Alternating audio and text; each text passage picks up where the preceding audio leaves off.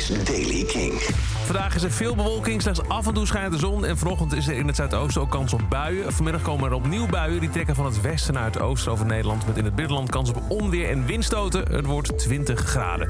Nieuws over Nick Cave en de Bad Seeds, de 1975 en Shane McGowan. Dit is de Daily King van maandag 24 juli. Michiel Veenstra. Nick Cave heeft aangekondigd dat hij bezig is met het afronden van zijn nieuwe album met The Bad Seeds. Vorig jaar zei hij al dat hij een nieuw album wilde schrijven nadat zijn tourverplichtingen waren afgerond.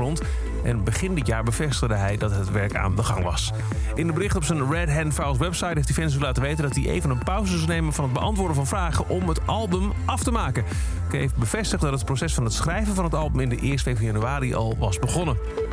De 1975 mag niet meer optreden in Indonesië en Taiwan na een incident op het podium in Maleisië, waar zanger Matty Healy zijn bassist Ross McDonald kuste. De kus was een protest tegen de strenge anti-LHBTIQ-wetten in Maleisië. Na het incident werd een concert onmiddellijk stopgezet en de band kreeg een permanent verbod om in Maleisië te spelen.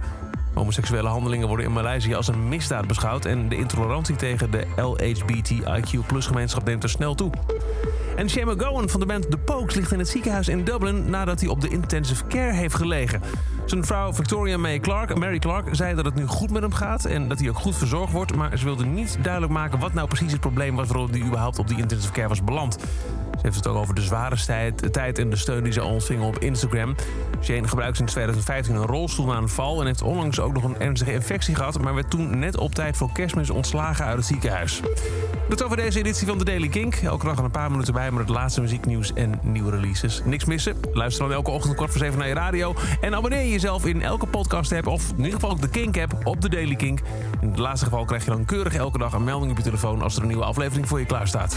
Elke dag het laatste muzieknieuws en de belangrijkste releases in de Daily King. Check hem op kink.nl of vraag om Daily King aan je smart speaker.